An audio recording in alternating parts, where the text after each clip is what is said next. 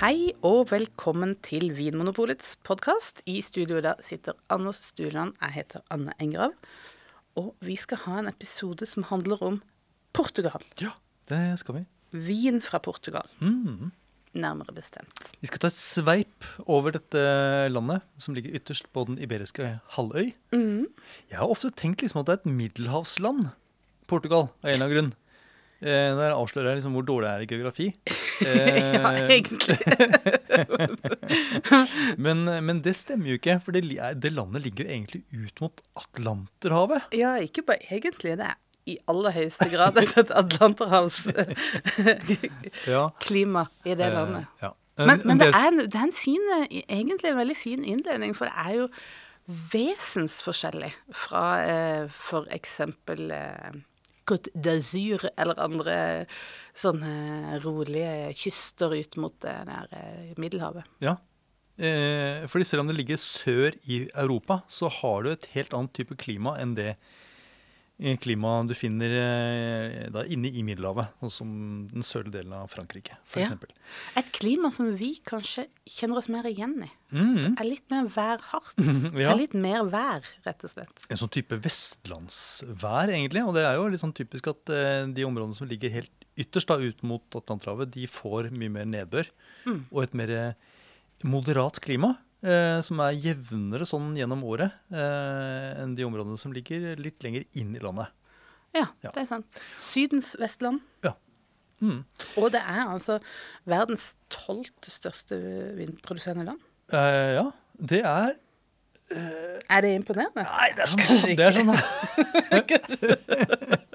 Jeg synes det er sånn halvimponerende. Ja. Den, men den niende største vineksporterende land, så det at de Ja. har ganske stor liksom, treffer ute i verden. Ja. Blant annet her til oss i Norge. Uh, ja. Det er jo ikke sånn, det er jo ikke et kjempestort land. uh, men, uh, men store deler av landet, uten at jeg vet egentlig sånn prosentandelen, men store deler av landet har jo vinområder. Ja. Eh, så det produseres jo vin stort sett overalt i Portugal. Og det som er spesielt med Portugal, og som kanskje er ulempen for landet, er at eh, de bruker mye lokale druesorter som kan ha litt ukjente og litt vanskelige navn. Og veldig ofte er det også blandinger av disse, disse litt vanskelige druene også. Mm. ja, så det er, det er en kommunikasjonsproblem med det. Mm.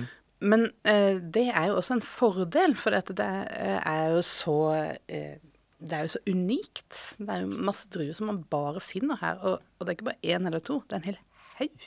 Det er så sant som det er eh, sagt, faktisk. Men disse vinområdene de har, altså de har jo eh, et sånt eh, appellasjonssystem i Portugal. Og de var faktisk veldig tidlig ute eh, med appellasjonssystem. eh, blant annet for, eh, for portvinsområdet. Ja. Eh, men de har altså da noe som heter da DOC. Eh, men så kan de også bruke den EU-betegnelsen eh, betegnelsen som heter DOP. Mm.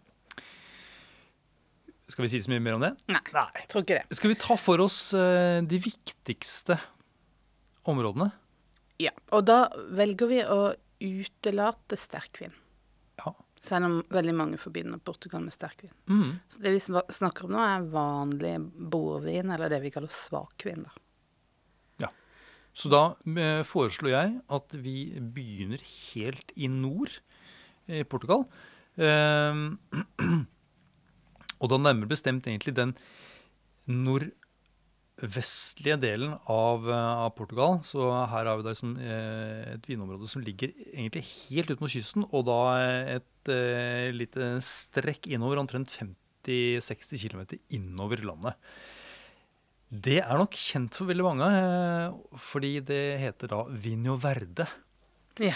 Eh, mm, veldig ofte så står det det at Vinho Verde har navnet sitt eh, fra, fra altså at, at vinen er så fersk, veldig ofte, fra dette området.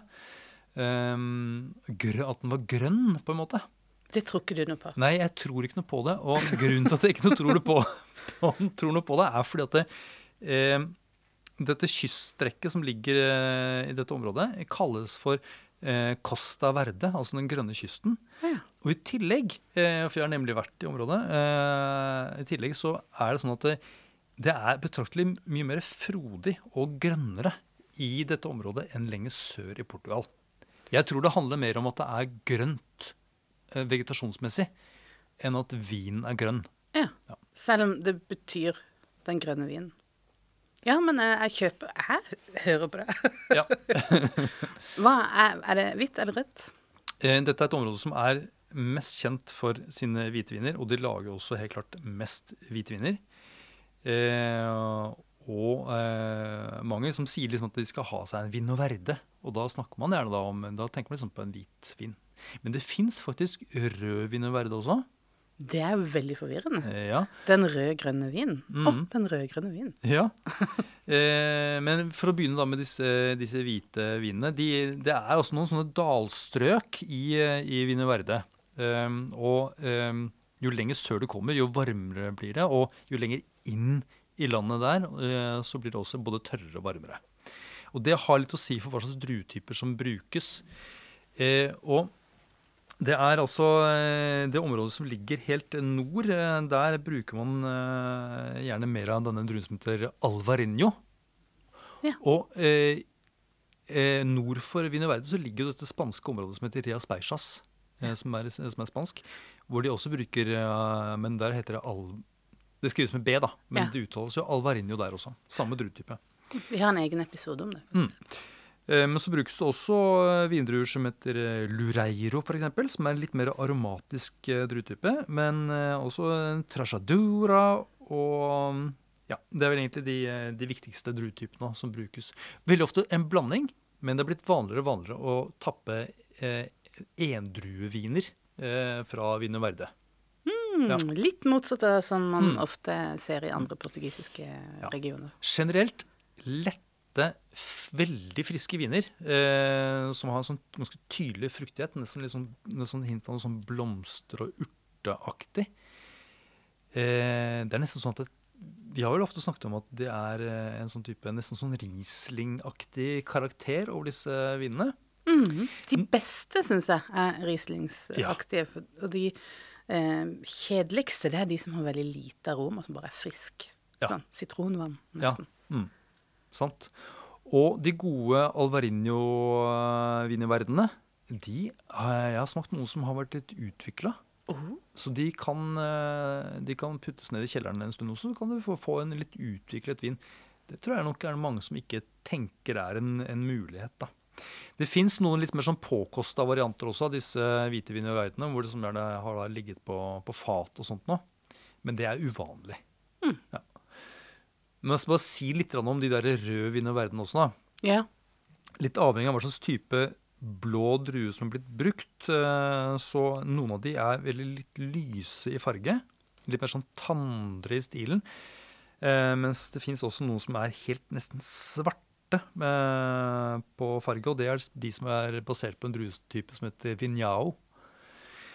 Eh, Men felles for disse røde verdenen er at de er ekstremt friske. Altså sånn Sammenlignet med nesten rødvin hvor som helst ellers i verden, så er disse vinene en egen klasse når det gjelder friskhet. Det eneste som minner litt, er disse vinene fra Galicia, som da er denne spanske området som ligger rett nord. da. Mm. Ja. Veldig spennende vin å ha til eh, feit fisk, faktisk. Eh, Grilla sardin og en, en litt sånn fersk eh, og fast og frisk eh, rødvin i Verde. Ganske gøy. Med tærne i tanga. Hva sier du? Med te i tanga? Hvis jeg sitter med teen i tanga Med tærne i tanga, ja. Tærne. Ja. ja. Du, um, du er nå Skal vi reise videre, da? Ja, eh. Sørover i, i, altså, Det kan vi gjøre. i det nordlige området? Mm. Eller hadde du noe mer? Nei, jeg er egentlig ferdig Nei? med Verde, Ja. tror jeg. Mm. For dette, jeg har lyst til å snakke om Dorodalen. Det er jo kanskje den mest berømte vinregionen i Portugal. De Mm. fleste tenker jo på portvin, da, når vi snakker om Dorodalen. Men det er altså vinmarker til både sterkvin og svakvin der. Og det lages jo også eh, svakvin. Så selv om historisk sett så var denne her forsterka vinen med sukker og alkohol veldig godt egnet til å, å fraktes ut eh, i verden og bli berømt, Og, og, derfor er det det som har gitt eh, kanskje hele Portugal, og i hvert fall Dorodalen, sin berømmelse. Så har de jo lagd svakvin eller vanlig bordvin hele veien. Ja, For det var det de begynte med. Det var Ja. det de lokale gjorde. De lagde jo ikke portvin, de lagde jo vanlig rødvin. Ja, absolutt. Ja. Men det var jo ikke først eh, Det var ikke før i eh, 1982 at de fikk et eget regelverk, en sånn DOP, da, rundt, eh, eh, rundt bordvinene i Dorodalen. Mm. Så det har liksom Det har tatt litt tid å, å bli liksom anerkjent i skyggen av den her berømte sterkvinen. De, det var kanskje litt sånn at eh, den populariteten til portvin har jo gått litt ned. At de eh, produsentene nå må ha et annet bein å stå på, kanskje? Ja, det kan jo være det. Ja. Kanskje det var bare litt mer større vilje til eksperimentering også. Portugal ble jo med i EU i 1986. Det er jo da fire år etter dette regelverket kom på plass, da. Men med, de, eh, med det medlemskapet så har det jo skjedd veldig mye for vinindustrien i Portugal med, i form av eh, penger til å investere i nytt utstyr. Så da fikk du liksom på plass ståltanker og eh, kunnskap om å lage tørre, fruktige eh, viner. Mm. Det er egentlig veldig interessant det du, når du nevner altså EU-medlemskapet. For det endret jo eh, hva skal jeg si, eh, eierskap og sånt noe så mye. I, eh, og produsentstrukturene i, i, i Portugal. Det var veldig mye kooperativer. I, i, i Portugal fram til EU-medlemskapet. Og så måtte de jo bryte opp dette. Det er fremdeles mange kooperativer, altså, men det har jo kommet veldig veldig mange enkeltprodusenter til. Og de kanskje, Man får kanskje litt større variasjon, litt mer eksperimentering, da. Ja, og så er det noe med maktbalansen som ble eh, forandra litt. Og det var bl.a. En, en viktig rettssak som handla om at eh, hvis du skulle selge en vanlig rødvin fra Dorodalen, så var, det, var du egentlig lovpålagt til å frakte den ned til Villanova de Gaia, som ligger helt ute ved kysten, og selge den der der alle de store portvinshusene har sine lagre. Det sto i loven. Men eh, det var en del produsenter der som gikk til sak og Ja. sa at dette vil vi ikke. og det eh, vant de fram på, og kan nå selge det direkte fra gården og ut hvor de vil. Nettopp. Så det var det- nesten, nesten som en form for ikke monopolordning, men at de, eh, disse handelshusene som holdt til nede i, eh, ved kysten, de De hadde noen satt med fordeler, i hvert fall. bukten og begge ender. Ja, noen historiske fordeler. Mm. Men eh, la oss bare ta eh, området. Det ligger jo da, som eh, vi har nevnt, det ligger ganske langt nord i Portugal. Eh, og det ligger ikke ute ved kysten, sånn som Vino Verde. Faktisk så ligger Vino Verde har liksom bredt seg ned. Så der jeg tenkte at, eh, at Dordalen begynte helt ute ved kysten, der Porto ligger. Ja, for den, man, man tenker liksom på den elva, Doro, eh, Ja. og hele veien nedover eh, til havet, Ja. så går Dorodalen. Nettopp. Og den renner ut ved da Porto. ja. Og jeg tenkte jo at det var naturlig at Dorodalen var hele veien ut. Ja. Det er ikke eh, tilfellet.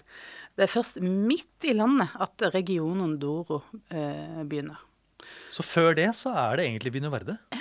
Fra en sånn omtrent ti mil inn i landet og ut til kysten, så er det Vino Verde. Og oppover elva videre opp til spanske grensa er Dorodalen. Og det er egentlig utrolig kult når man tenker på Vino Verde, som man er disse friske, litt livlige, lette vinene. Og Ja. så eh, går man kanskje rett over, liksom, er det bare et par kilometer, og så er man inne i Dorodalen. Der lager man en vin som er noe helt, helt annet. Ja, men på kartet så ser det veldig tilfeldig ut. Men i det virkelige liv så er det ikke så rart, for det er en, et stort fjell som markerer grensa der, egentlig. Ah. Som på sitt høyeste er oppe i 1400 meter over havet. Nå skal ikke jeg prøve meg på den Skal jeg, skal jeg prøve? Serra de Marau. Det hørtes sånt. bra ut. Ja. Ja, ok, så eh, på, sånn på kystsiden av dette fjellet så er det selvfølgelig da mer nedbør, eh, og det er dette Vino Verde-området, og så blir det da et, tørrere og varmere klima på innsiden, og Riktig. der starter Dorodalen. Det er det som er eh, hovedtrekket for klimaet i Dorodalen. Det er tørt, og det er varmt. De deler det sånn klimatisk opp i tre regioner, men i praksis så blander de jo og mikser druer fra på kryss og tvers av disse regionene. Men, men eh, poenget er jo da at den eh, Dette er et område som går fra eh, øst til vest, ikke sant, på tvers av landet. Og den eh, delen som ligger helt i øst, heter da Doro Superior. Det er det eh, varmeste og tørreste området. Mm. Det er helt i øst, oppe ved spanskegrensa. Ganske høyt fjellområde. Der faller det bare 450 millimeter regn i året. Mm. Det er ikke mye. Nei. Men så kommer du litt lenger ned, i midten, og der eh, er også tørt, men det er 700 millimeter. Og det er varmt, ikke like varmt som det der eh, innlandsklimaet helt oppe ved spanskegrensa. Og så kommer du da helt ned til fjellet eh, eh, mer vest da, i dalen. Det er den kjøligste av disse tre områdene, ni, og våteste, 900 millimeter i året. Så det er variasjoner i klima, og ganske mye forskjell sånn mikroklimatisk også. Mm.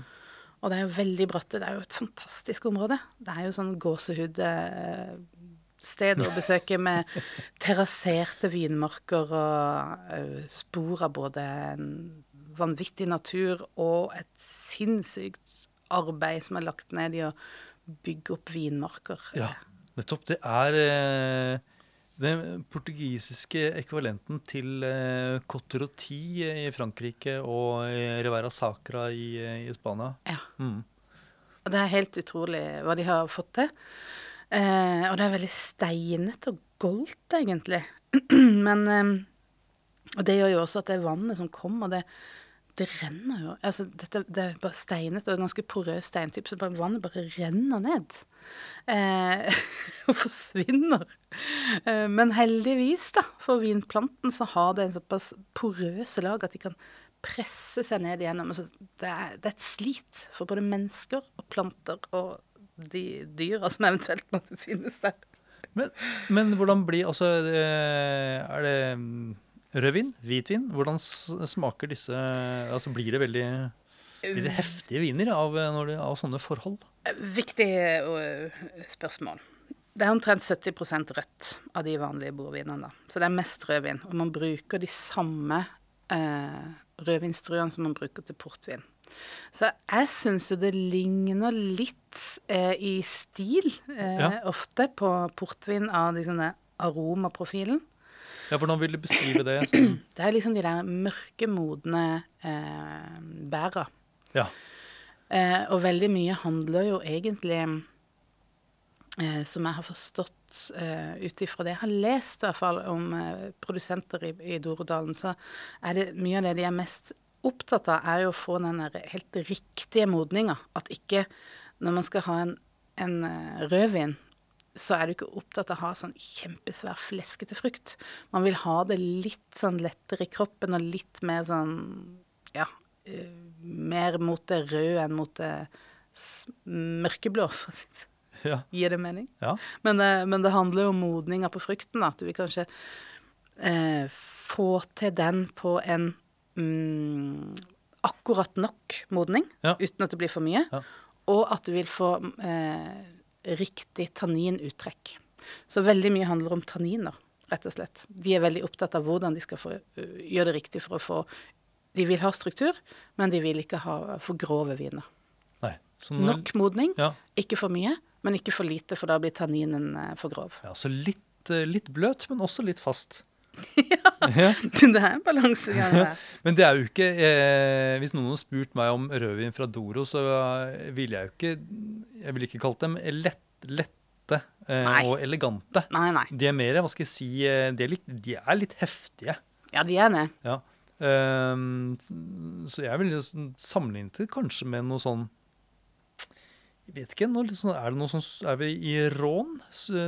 Eller er det mer sånn type Eller er vi mer eh, Ja. Ribera, Ribera del Duero, Spania. Eh, Mer der, egentlig, syns Ja. jeg. At det er mer liksom det derre kompakte frykten. Ikke så mye av de der eh, overtonene, kanskje, som man har i, Nei, nettopp. i rån. Mm. Nevner bare vanligste druene. Toriga National, Toriga Franca. Tinta Roriz, eller Rorish, som jeg tipper de sier der.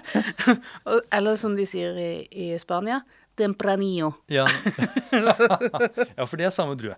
Det er samme drue. Tinta Roriz er det samme som Tempranillo. Mm. Og Tinta Barocca og Tinta Cao. Ja.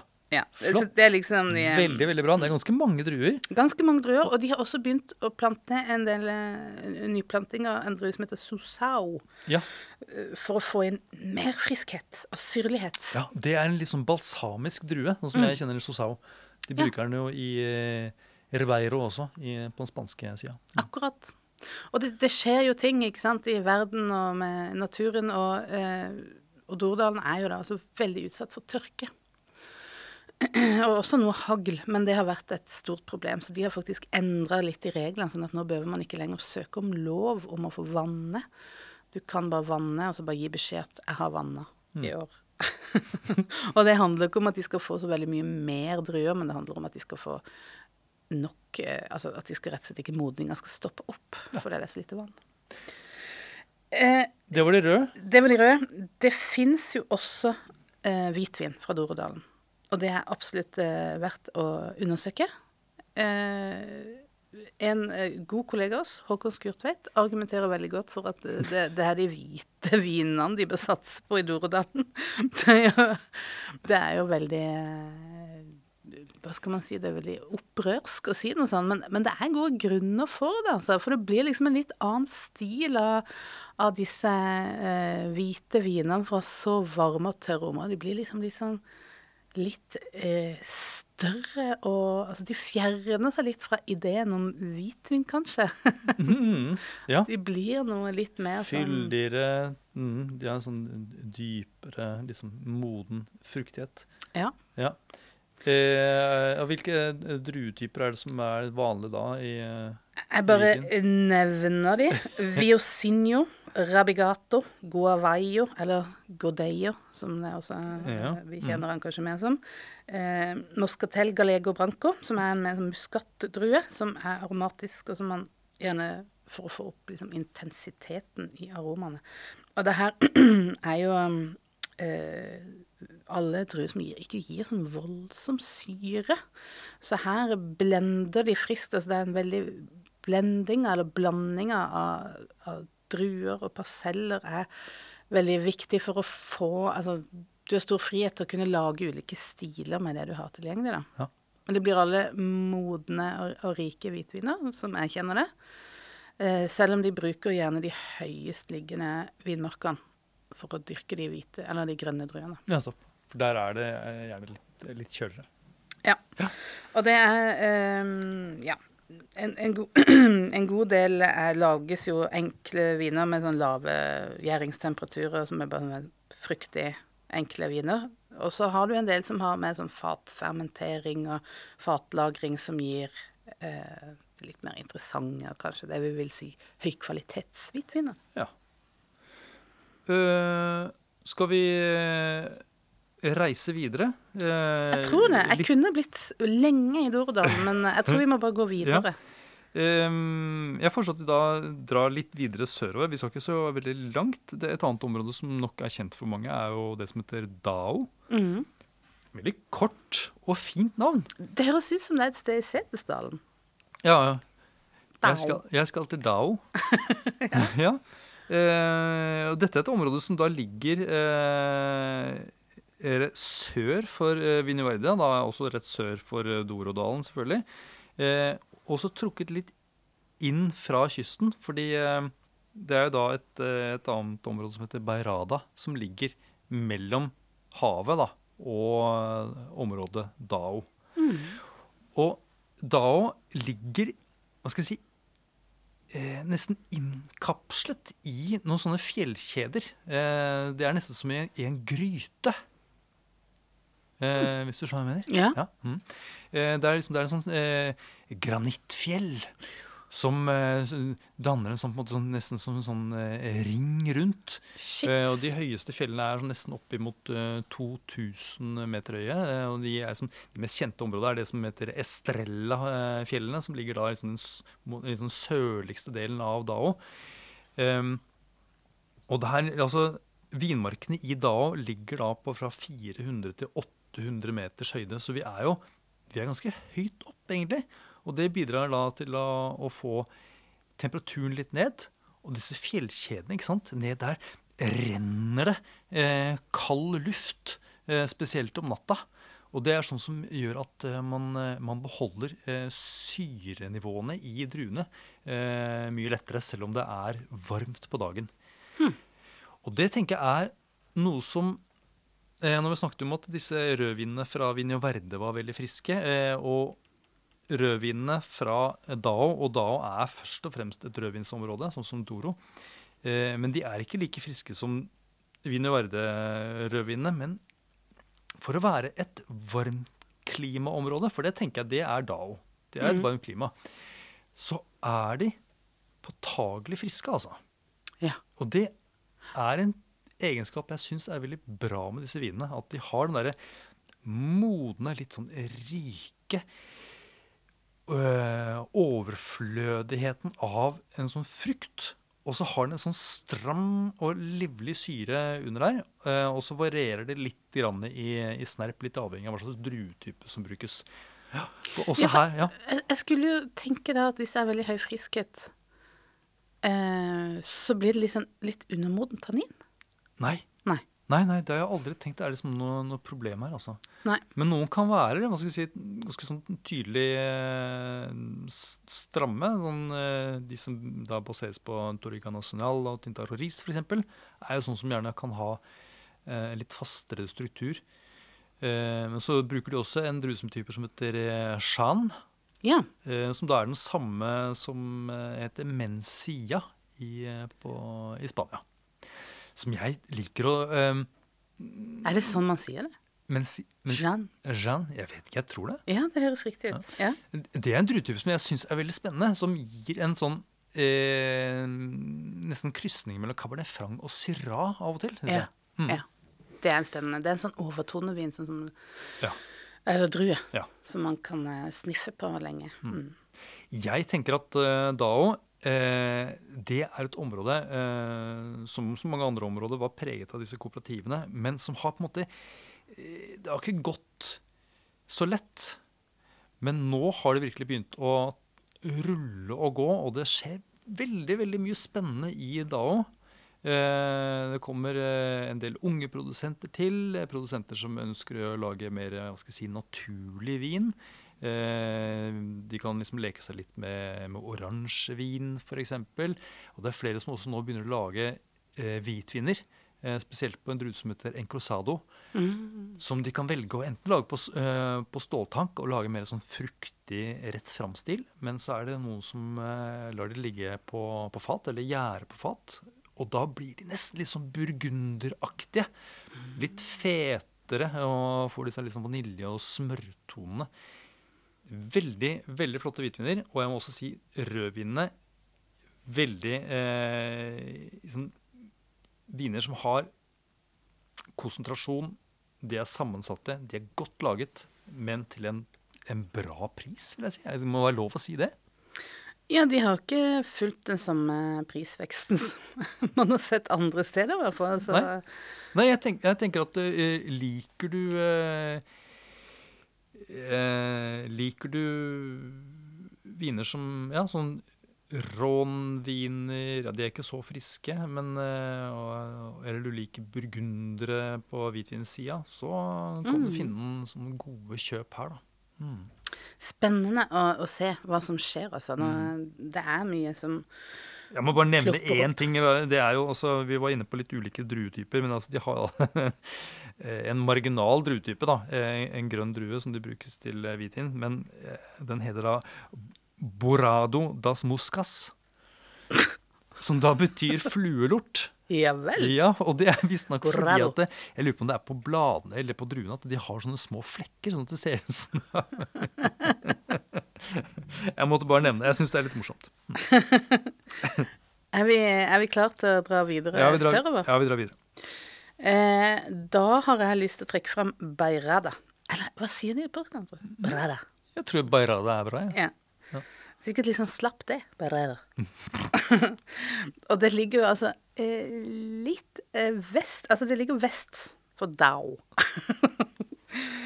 Eh, Så det er nærmere kysten. Og dette her er jo et maritimt klima. Dette her er jo atlanterhavsvin, må man jo kunne si. Og, og her er det fuktig. Her kommer det for å snakke om regn igjen, da, mellom 800 og 1200 millimeter i året. Så det er betydelig mye fuktigere. Noen steder kan du få opptil 1600 millimeter. Ja. Da begynner det å, å ligne noe. Eh, Og det kan jo være et problem når man eh, dyrker druer. For- det kan både gi råteproblemer, og det kan gi eh, problemer hvis det kommer veldig mye på våren, f.eks. kan gi problemer med fruktsetting. og det, det kan være litt vanskelig. Litt krevende forhold. Men dette her er et område som er mest kjent for en drue som heter baga. ja. Og det er også et, et fint navn. Jeg skulle akkurat si det. Det er jo et kjempebra navn å selge hvor som helst i verden, for det er så lett å si. Ja. Og det er jo da en blå drue som gir rødvin. Og her er det altså to tredjedeler av, vinen som lages, er, da rødvin. Eh, skal vi kalle det Portugals Nebbiolo for Ja. å gi en knagg å, å henge på? Ja, jeg er glad du sa det, for hvis ikke så hadde jeg sagt det. Ja, Ja, for- det er umulig ikke si det, for det er høy syre Ja. og eh, fast tannin. Ja. Også en litt sånn eh, De er ikke sånn veldig veldig tette på farge. Eh, de er mørkere enn eh, mange nebbioloer, men de også har de noe sånn til felles med det der balsamiske preget. Dette er litt sånn furubark-aromaen. Eh, Du ble begeistra over det òg. Jeg må si at jeg har hatt noen veldig, veldig, eh, veldig få store vinopplevelser i koronaåra, men noen av de har vært baga. ja. De, de leverer. Og det er jeg litt glad for òg. Det er litt sånn en liten sånn Askepott-historie. At det var en sånn derre kooperativ eh, Mye kooperativer som lagde bare masse vin til lav kvalitet. Altså de siste liksom, kanskje 20-30 åra så har det vært en snuoperasjon. Og så har Baga gjenvunnet sitt gode rykte. Mm.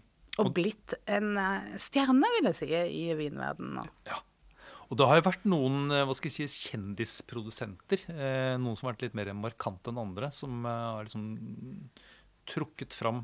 Både eh, Bairada som område, men også Baga som drue.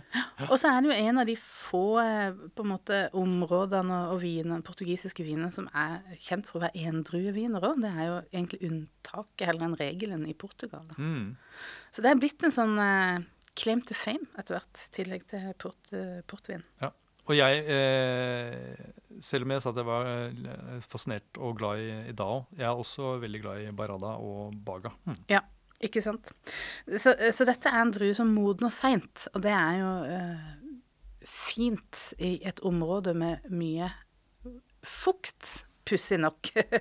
det kan man jo kanskje se litt uh, både og. Men, uh, men det er noe med tykkelsen på skallet her Ja. som gjør at det står imot em, dette her råtepresset som kan dukke opp. da. Ja, for det er jo typisk eh, tykkhudede druer. Ja. si. Eh, egner seg bedre for, eh, eh, for sånn litt røffere klima, enten det er vått eller, eh, vått eller tørt. Mm. Så der eh, Doro-folka er opptatt av tanninutvikling og, og, og kanskje syre, så er faktisk produsentene i Beirada de er mest opptatt av å finne steder som gir god nok modning. og så få minst eh, mulig avkastning da, på planten, sånn at du er sikra at planten blir moden nok. Mm. Ja. Eh, Jeg har hørt at, eh, at i, både i Bairada, men også i Dao, så er det mye sånn pinjetrær. Å ja. Jeg har aldri vært der. Og det er det som visstnok gir liksom noe av det balsamiske sånn furunåls-myntesnevet i vinen. Litt sånn som eukalyptuspreget i australsk vin. Som, Ja, ja, ja, nettopp. som de mistenker liksom kommer fra disse, disse oljene som avgis fra eukalyptustrær. At det kan være en sånn at det, at det smitter over på druene. Det er spennende tanke. Mm. Det, Form for jordsmonnspreg, ja. selv om det ikke kommer fra jorda. Det er i hvert fall fra stedet. Mm. Det er viner som er vanligvis um, eh, modnes på store franske eikefat. Noen beholder en sånn tradisjon om å, å lagre de på sånne portugisiske tonnage, som jeg tror det heter. Som er altså veldig store fat. Ja. Portugisisk eik eller brasiliansk hardt tre. Så det er liksom en ja. eh, tradisjon de bevarer her. Og så er det også en eh, dreining mot mer sånn helklaseproduksjon, da. At du ikke tar av stilken, selv om det har vært veldig vanlig for baker siden det har vært så mye tannin. Ja.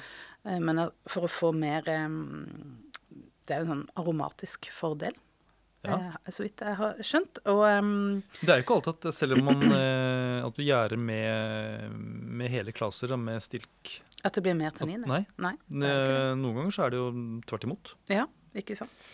Så her er det ting som skjer, og det er eh, mye eksperimentering, og de er blitt eh, flinke på å finne ut av hva som gir best eh, vin. Og det tillates jo også noen andre dyretyper, da. Eh, det er jo Torriga National, Rein Mm. Bra. Kamerater. Jeg syns det var et morsomt navn. da. Er det en som heter det? Kamerater? Ja. Og så litt sånn i, i internasjonale druer, men som regel er alle blendes de med baga. Ja. Eh, og så er det vits. Vi kan vel fort nevne det også, selv om det kanskje ikke er det regionen er mest kjent for. Men det er altså mm, en eh, mest planta hvite eh, Eller grønne druer i eh, Portugal heter Maria Gomes. det høres ut som sånn her fredsprisvinner eller noe. Ja, Litteraturprisvinner, kanskje. ja, jeg tenker på en forfatter, ja. Ja. Har du lest den siste av Maria Gomes? ikke sant? Um, den er uh, en uh, drue som modner tidlig, så dette er noe de plukker raskt og får enkle, friske viner. Uh, eller så har du også Bical Arinto, som en veldig, gir veldig syrlige um, viner. Mhm. Uh, Sercial må ikke forveksles med Madeira-drue, det er noe annet. Er det to forskjellige sertialer? Ja, faktisk. Eh, men også syrlig. Eh, så det her er bare litt sånn friske, enkle uh, viner som de sikkert drikker til Bacalao. Bacalao. Vil bli overraska hvis de ikke gjorde det. Men det er også eh, den ledende regionen i Portugal på musserende vin på tradisjonell metode. Ja, for de lager jo musserende vin i Portugal også. Mm. Ja. Så 10 av produksjonen i Beirada er faktisk eh, musserende vin. Mm. Med både lokale og internasjonale druer. Jeg tror eh, Beirada er ferdig. Ja. Eller det er ikke det. Det er, nei, nei, det er, vi, har bare sett, vi har så vidt sett starten av eh, Beirada. Men vi drar videre til eh, nå da eh, videre sørover. Vi følger kysten nedover, og da kommer vi til Lisboa, som er da hovedstaden i Portugal, som de fleste vet. Der er det, hva skal jeg si, eh, et veldig stort spenn i, i både stil og kvalitet når det gjelder vin. Ja. Eh, I disse områdene som ligger rundt Lisboa, så er det, eh, lages det en del sånn, drikkevin. Eh, litt sånn enklere, bløte, bløte viner. Eller, eller litt sånn nøytrale hvitviner. Men så er det på en måte noen, det er noen perler av noen områder her som gjør at, eh, at jeg tenker at det er verdt å ta turen innom dette området. Og da er det spesielt det området som heter Colares, som ligger helt, helt ut mot kysten. Og eh, disse vinmarkene i Colares, de ligger da innimellom eh, sommerhusbebyggelsen eh, i, i dette området. Og På stranda. på stranda, ja. Ja. Eh, et veldig, veldig veldig spesielt område eh, som har blitt eh, Det er jo bare en skygge av seg selv når det gjelder liksom, størrelsen. Men her lages det både rød og hvite viner. Det vanligste er eh, rødviner.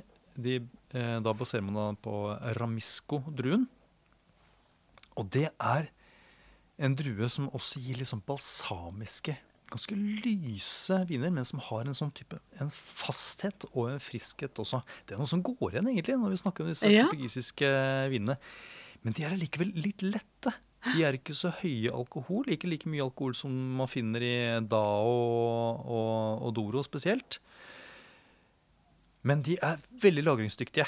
Ja. Eh, Du kan finne ganske gamle eksemplarer av Colares som har holdt seg veldig veldig godt. Det er nesten en sånn type Noe som Bordeaux, Nebbiolo-aktig over det. Det, Det er veldig spesielt. det er veldig spesielt. Jeg syns det er vanskelig å sammenligne det med noe. Jeg Ja. det har et helt sånn unikt Det er, det er sjeldent jeg egentlig kan si om vin. For som regel minner det om noe. Det er, det er faktisk sant. Og det er nesten litt urettferdig å måtte liksom presse den her inn i hva skal jeg si, en annen en sjanger, en egen sjanger. Men fordi det er noe for seg selv, som du sier. Både stedet, eh, som er så spesielt, eh, hvordan eh, vinplantene vokser. For det er jo det er nesten bare sand der, så de, eh, de må rett og slett pla- plante vinplanten flere meter ned i jorda. De må grave en dyp, dyp grøft, og så sjukt. plante.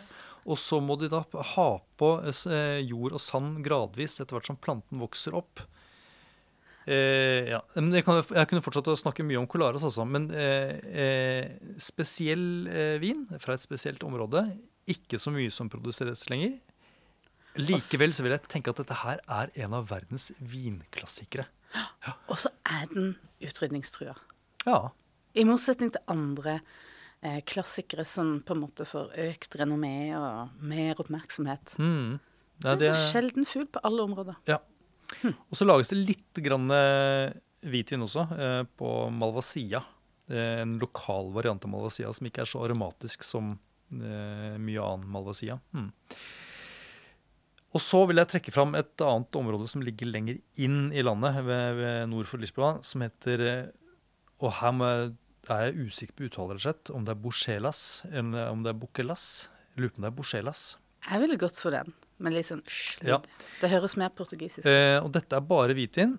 Eh, veldig friske, stramme, nesten sånn nesten chablis-aktig, vil, vil jeg si. Så nå er vi på hvitt. Nå er vi på hvitt. Eh, druen er Arento. Det er den friske snerten. Yes, yes. Eh, men dette er også et område som på en måte blir spist litt opp av bebyggelse. Eh, men eh, det som er igjen, eh, der lages det ganske stilige, friske eh, hvitviner. Som også er Som egner seg for lagring, faktisk. Mm. Veldig spennende. Og Ja. alt dette går Det er flere også regioner der som Eller hva skal vi kalle det? Appellasjoner som går under Lisboa-paraplyen. Jeg kan jo bare trekke fram at sør for Lisboa så ligger eh, en halvøy som heter for Stubal-halvøya. ja, det er så gøy å si. Stubal. ja. Og der, eh, der lager de jo eh, rødvin og hvitvin, men de er kanskje mest kjent for en, eh, en søt eh, vin som baseres da på muskatdruen. Eh, og de, liksom, de litt unge variantene de er kanskje ikke så spennende, men eh, hvis du finner en litt en lagret eh, Moscatel de Stubal, så, så får du en, en kompleks, eh, flott, søt dessertvin. Mm, du sammenligner det litt med tårn i portvin, Ja, bare uten, uh, uten alkoholen. Eller Ja. like mye, i hvert fall. Ja, du får dette litt sånn nøtteaktige, sammensatte preget, tenker jeg. I tillegg til eh, den der, en sånn, dette aromatiske avtrykket som man får fra muskateldruen. da.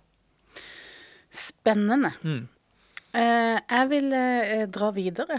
Og nå har vi kommet ganske langt uh, sør, eller i hvert fall på den sørlige halvdelen av Portugal. Lisboa ligger jo liksom litt under halvparten, holdt jeg på å si, hvis Ja. man kan si det. Ja. Og nå skal vi enda litt sør, og øst. ja, ikke minst. Vi Ikke skal, minst øst. vi skal innover ja, i landet. Nå skal vi inn i landet. Vi skal inn igjen mot, eh, mot spanske grenser. Dette her er en ganske stor region som dekker ganske mye av den sørøstre delen. Det er litt sånn et sånn flekkete område. Det er åtte eh, subregioner. Eh, det er ganske mye ujevnt, kan man vel kanskje si. Ja, jeg må innrømme at jeg, fordi vi snakker da om området som heter Alentejo. ja, det har jeg ikke sagt.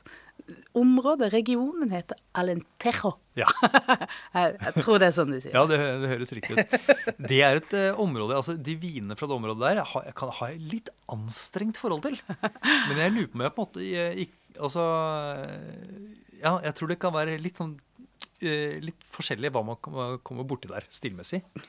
ja. Eh, eh, vi møtte jo eh, Rune fra SPI, vår gode kollega, i lunsjen, og han kalte Altså, han fikk et lite sånn glimt av te i øyet da vi begynte å snakke om Alentero. Og han mente at dette var eh, eh, de hvite flekkene på kartet det var her han eh, trodde ting kom til å skje. At det var her han kunne gjøre oppdagelser. Ja. Det er en veldig positiv verdensbilde, syns jeg. Men, men jeg skjønner det litt også. ja. Eh, la oss bare ta eh, veldig kort eh, eh, geografien. For dette her er jo altså da et stort område. Det er en del variasjoner. og det ligger jo altså da eh, med Det har ganske mye fjell eh, rundt seg. Eh, Det har jo Algarvefjella i sør, og så har du den spanske grensa. Det er en ganske fjellrik grense i øst. Um, og så er det altså eh, Resten er relativt flatt. Det er sånne skråninger. Jeg har faktisk vært kjørt litt rundt i det området på ferie. ja. Og det er ganske sånn slake skråninger. Eh, Det er perfekt for vinmaking. Ja, Eller er for er det- vinproduksjon. Er det grønt der? Hvordan ser, er det Det er litt tørt. Det Ja. er litt tørt. Men nå har de jo ganske greie regler på irrigasjon i Portugal. Ja. Eh, eh, så det er et veldig enkelt område for eh, høy Altså stor produksjon. Ja, nettopp. Så det er faktisk den eneste regionen i Portugal som øker i produksjonen. Alt an, alle andre regioner, der går det ned, men i eh, Alentero, der går det opp. For her er det rom for å eh, bygge ut, det er rom for å mekanisere. Heter det mekanisere? Eh, Automatisere. Ja, du tenker på det også at det er liksom flate vinmarker som man kan kjøre maskiner gjennom? Mm. Maskinell eh, på en måte drift Ja. Er enkelt å få til. Det, det går jo f.eks. ikke i Dorodalen, det er jo sjanseløst. Men her kan du jo bare rulle ut eh, vannledninger, og du kan eh, kjøre over Altså, nå kan setter jeg det litt på store, spissen. ja, store vinmarker som du på en måte kan ha en effektiv drift. Ja. Det er, det er tørt der, sånn at du slipper lite sånn, eh, sånn eh, smitte- eller råtetrykk eh, Ja. på druene. akkurat. Eh, og så har du det, er det sånn klima gjør at du, er lett for å få god nok modning. yes. Og så sier de at i tillegg så kan man vanne litt. Ja. Så her er det jo lett å lage vin. Det er kostnadseffektivt, Ja. som de sier. Og det ser man jo, altså. Det er større grupperinger av det er veldig mange ehm, Altså av enkeltprodusent som ikke er kooperativ, så er det ganske små eiendommer rundt forbi i, i Portugal. Men i eh, Alentero begynner, det, begynner man å se at det er med flere større landeiere. Eh, og så er det en voldsom utvikling. Jeg har altså sett på tall. Ja. I 1995 så var det bare 45 produsenter i Alentero. Og det var 13 500 hektar som ble dyrka. Og så har vi kommet da til 2019, og det er jo da kan jo ikke regne, men det er mer enn 19 års, 19 års eh, forskjell. Da er det altså 285 produsenter. Hæ? Det har mangedobla seg. Og det er 22 000 hektar. Ja, så det er eh, ikke fullt en dobling eh, i areal, men, men, altså, men antall produsenter har Mange eksplodert. som har eh, slått seg ned. Og, og så her er det jo også da et stort spenn i hva som eh, skjer uh, sånn vinstilmessig. Um, det er jo altså uh, De områdene som ligger lengst inn i landet, det er de som har de mest ekstreme temperaturene og med sånn middelhavsklima. Stor, litt variasjon på regn fra 500 millimeter i sør, 800 i nord. Eh, så du kan få en del sånn tørre perioder, og det, de irrigerer jo Det er vanlig å, å bruke vanning. Eh, men så har du det altså da, i det eh, helt nordligste regionen. Det er en, en region, subregion som heter Porte Allegre, tror jeg det heter. Mm, det har jeg hørt om. Porte Allegre. Ja. Porte Allegre. Og her er det altså vinmarker som er eh, på over 800 meters høyde. Ja, da begynner det å svinge. Da begynner det å svinge. Mm. Så det er kjøligere enn hele resten av Alentero. Og det er eh, mye mindre størrelse på vinmarkene, Så her begynner det, ikke sant? Her begynner du å se et bilde at det er litt ulike ting som skjer rundt omkring i denne regionen.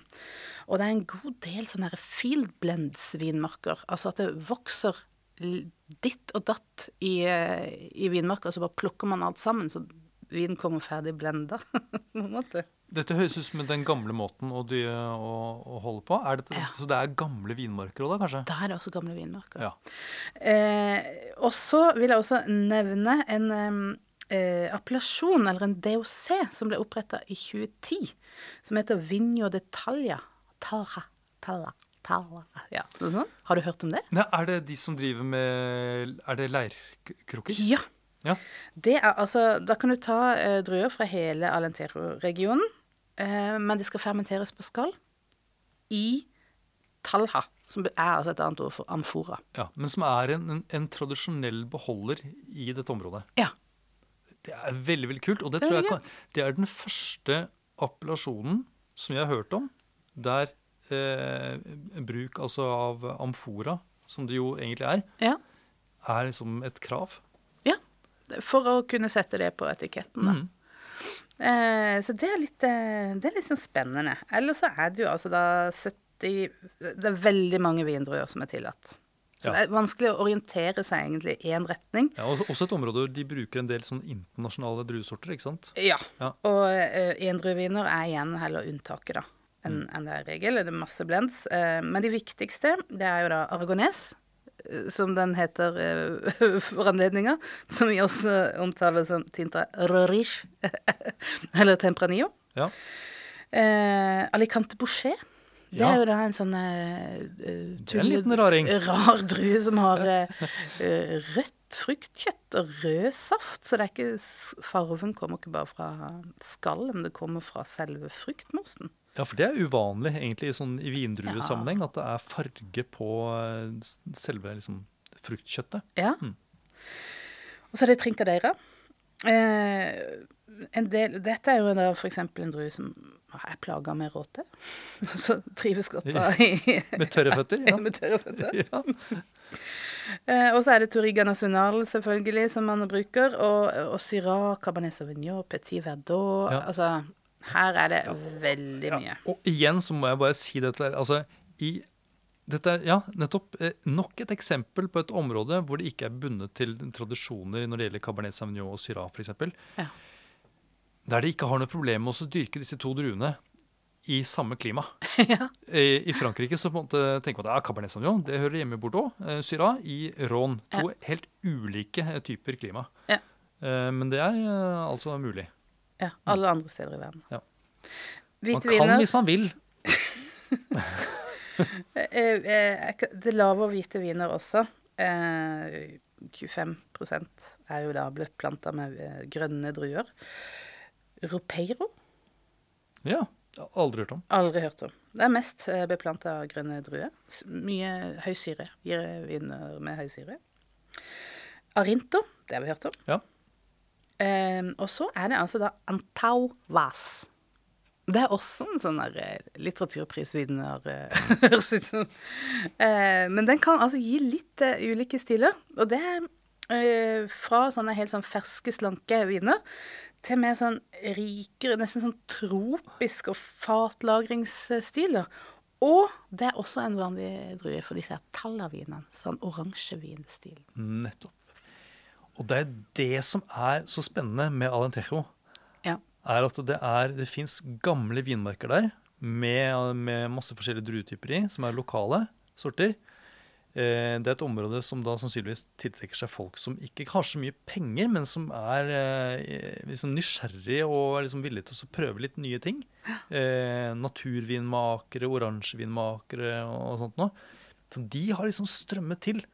Eh, og så har man da liksom, eh, samtidig disse store eiendommene som produserer mer som bulkvin, eh, hverdagsvin.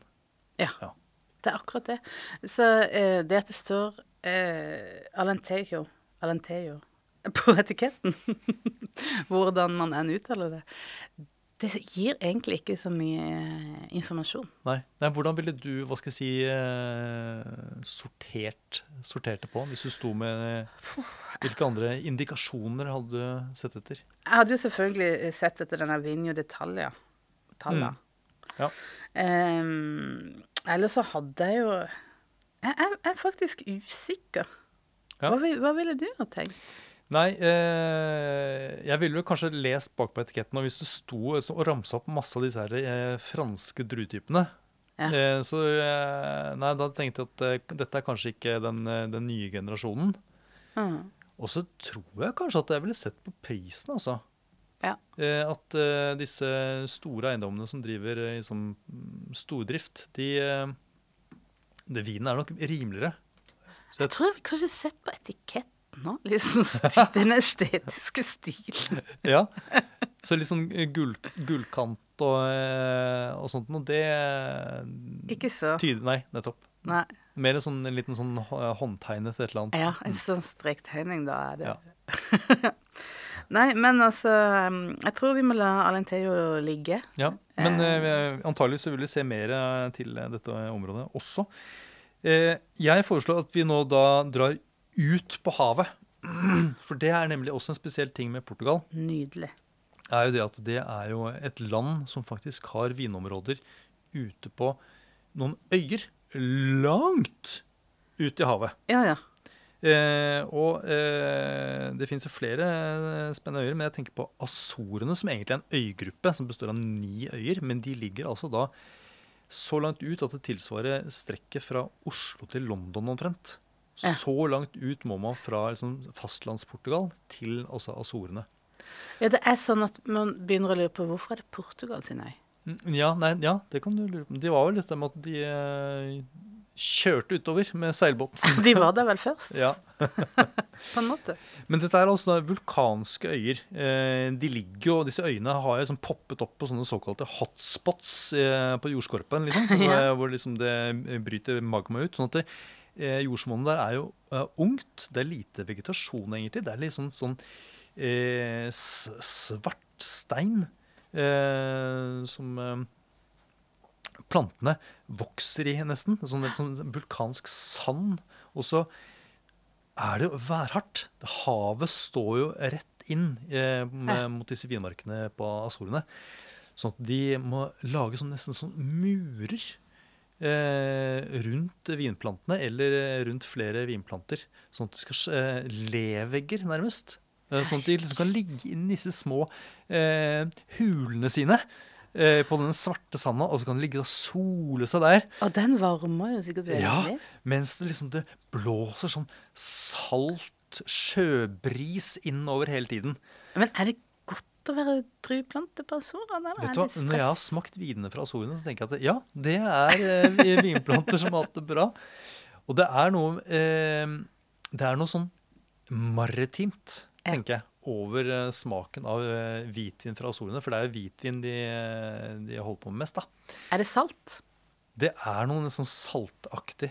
Ja, det det. Er det. Eh, og ikke så voldsomt aromatisk, ikke så mye fruktighet. Det er mer dette der, sånn grønn oliven, eh, sjøvann og kanskje noe litt sånn nøtter og tørkede urter og sånt noe. Fersk tang? Fersk tang, ja. Eh, og samtidig som de er ganske sånn eh, fyldige og dype. Ja. Eh, veldig fascinerende viner. Og eh, det er ikke så lenge siden egentlig jeg eh, ble kjent med disse vinene. Og de, jeg tror Azorene før i tiden egentlig holdt på med sterkvin. Eh, litt sånn som Madeira. Ja. Mm. Men at de nå satser da mer på, på, på svaken, og da hvite viner. Og da er det basert på druene Verdeio, Arinto, som vi da har vært borti allerede, og en Terrantes. ja. Ja. Så dette er jo Madeira-druer. Dette er Madeira-druer, ja. Mm. Azorene der, altså. Jeg hadde egentlig tenkt å si noe om Madeira òg, men jeg syns det, det blir liksom litt for fjernt å nevne, for det er jo sterkvin som er øh, poenget med Madeira. Ja, Men de lager saken der Men òg. de lager, de lager eh, svakvin, og det er en del sånne planter som ikke er vitis vinifera, altså som er mer sånn hybrider, fordi at det er så fuktig der at de eh, har valgt en eh, del sånne eh, sykdomsresistente planter for å på rett og slett få modne druer. Og det har vært såpass høy avkastning, opp sånn 200 hektoliter eh, per hektar er vanlig, at eh, de får veldig lav modning også. Så det at potensiell alkohol ligger på sånn 8-10% så det har ikke vært så veldig vellykka, Nei. det jeg har funnet ut, da. Um, Tenker du at Madeira er hva skal jeg si, litt i støpeskjeen når det gjelder svakvin? At de, de har ikke helt funnet formen sin på kvalitetsvin? ja, det kan virke litt sånn uh, Jancis Robinson hun kalte det ukomplisert væske. laget for lokalt konsum. Men verdi å vise lovende resultat, var hos sin kommentar. Men uh, de tester også ut noe Cabernet Sauvignon, Merlot og Syrah uten at det har ja, og, og det tenker jeg er et tegn på at det er noe litt sånn umodent eh, ja. over eh, hvordan disse produsentene tenker.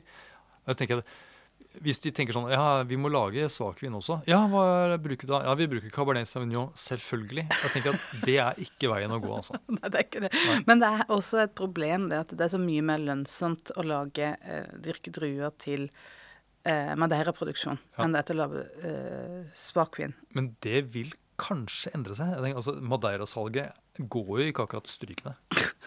Nei, det gjør jo ikke akkurat det. men, men, Dessverre, for det, men det er jo Ja, Madeira ja. er godt, altså. Jeg liker det. Men, ja, Det blir en annen episode, tror jeg. Eh, vi har, vi har, kommet oss gjennom eh, Portugal, fra vi, vi ser, nord til sør, ja, ut ser, i vannet. Mm, vi ser fastlandet langt, langt i det fjerne, eh, her vi sitter på Azorene. ja. Det er kanskje det stedet jeg Det har lyst til å dra oh. dit, altså ut i Ja, midt ute. Det eneste som er litt stress, er å reise ut dit. Det virker ja, litt strevsomt. Ja, og så er det må man må fly, da. Ja, Eventuelt. Ja. Jeg kan se på noen bilder. Jeg er glad i å sykle. Kanskje en pedalbåt? kanskje det. Yes, det var Portugal. Takk for at du hører på Vinmonopolets podkast.